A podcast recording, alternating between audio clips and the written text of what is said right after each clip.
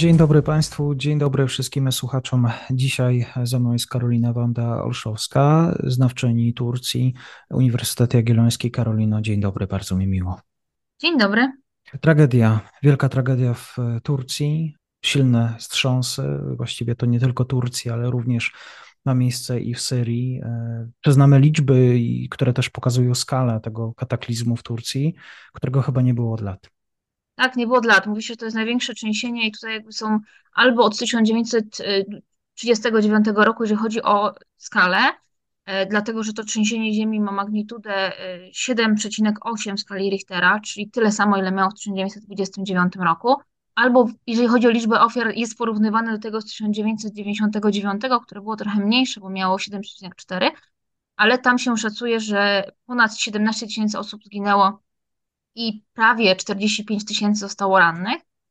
Tutaj na razie mówimy o w tym momencie prawie tysiącu zabitych e, i ponad 5 tysiącach rannych, z tym, że są to dane, które cały czas się zmieniają, dlatego że o 8 rano jeszcze mówiło się o 78 zabitych, półtorej godziny później mówiło się już o prawie 300, teraz już mówi się o prawie 1000, więc ja myślę, że to się będzie zmieniało w ciągu dnia, że te liczby będą znacznie rosły, tym bardziej, że warunki atmosferyczne, które są, opady śniegu, e, zimne temperatury utrudniają akcję ratunkową, no i jakby też utrudniają przeżycie tym, którzy są teraz pod gruzami i dotarcie do nich.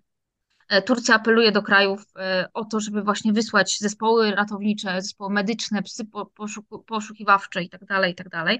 Wiem, że też jakby tutaj strona polska zadeklarowała pomoc Turcji. W tym trzęsieniu ziemi z 1999 roku również różne kraje, w tym Polska, Grecja, Stany Zjednoczone, Niemcy wysyłały tam e, swoje grupy ratunkowe, co, co jakby też przyczyniło się do tego, że tych ofiar nie było więcej.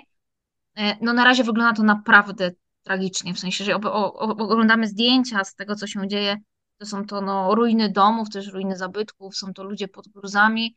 E, no jest to strach o to, co będzie dalej, tym bardziej, że w międzyczasie wystąpiło kolejne trzęsienie ziemi, tym razem w centralnej Turcji. Jakby to jeszcze nie znamy żadnych szczegółów, no ale nie wygląda to dobrze, są jakby wstrząsy wtórne, E, no też nie, nie znamy skali w Syrii. Ta skala w Syrii przynajmniej podawana jeszcze parę godzin temu była większa niż w Turcji. E, tam też będzie większy problem jakby z zespołami ratunkowymi, więc no zobaczymy, jakie to będzie miało globalne tutaj odniesienie do całego Bliskiego Wschodu. Na razie wygląda to naprawdę tragicznie. Jest to taki czarny dzień dla Turcji, czarny dzień dla, dla całego rejonu i właśnie wszyscy się łączymy w takim Geçmiş Olsun Turkii, czyli takie współczucie dla, dla tego kraju. Pewnie pytanie dokładne, moje pytanie powinno być zadane sejsmologowi, ale gdybyśmy próbowali znaleźć od, odpowiedź dlaczego, czy, czy to jest ta właśnie turecka rzeczywistość, e, właśnie tego typu zjawiska?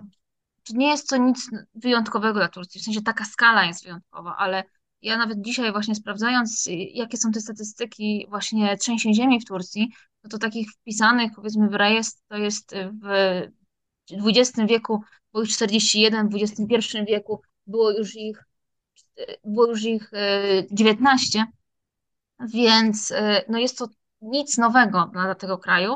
E, jest to coś, co się zdarza, z tym, że no dawno nie zdarzyło się na taką skalę i, i z taką ilością ofiar.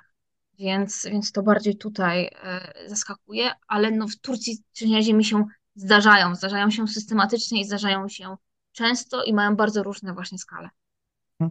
Hmm tureckie władze y, są już mm, oceniane pod kątem reakcji. Jak radzą, radzą właściwie sobie z tym całym kryzysem? W tym momencie jeszcze ciężko cokolwiek powiedzieć. To na pewno kryzys, który będzie miał wpływ na, na wybory, no bo jest to jakby kolejna sytuacja, z którą władze muszą sobie poradzić w ten czy inny sposób.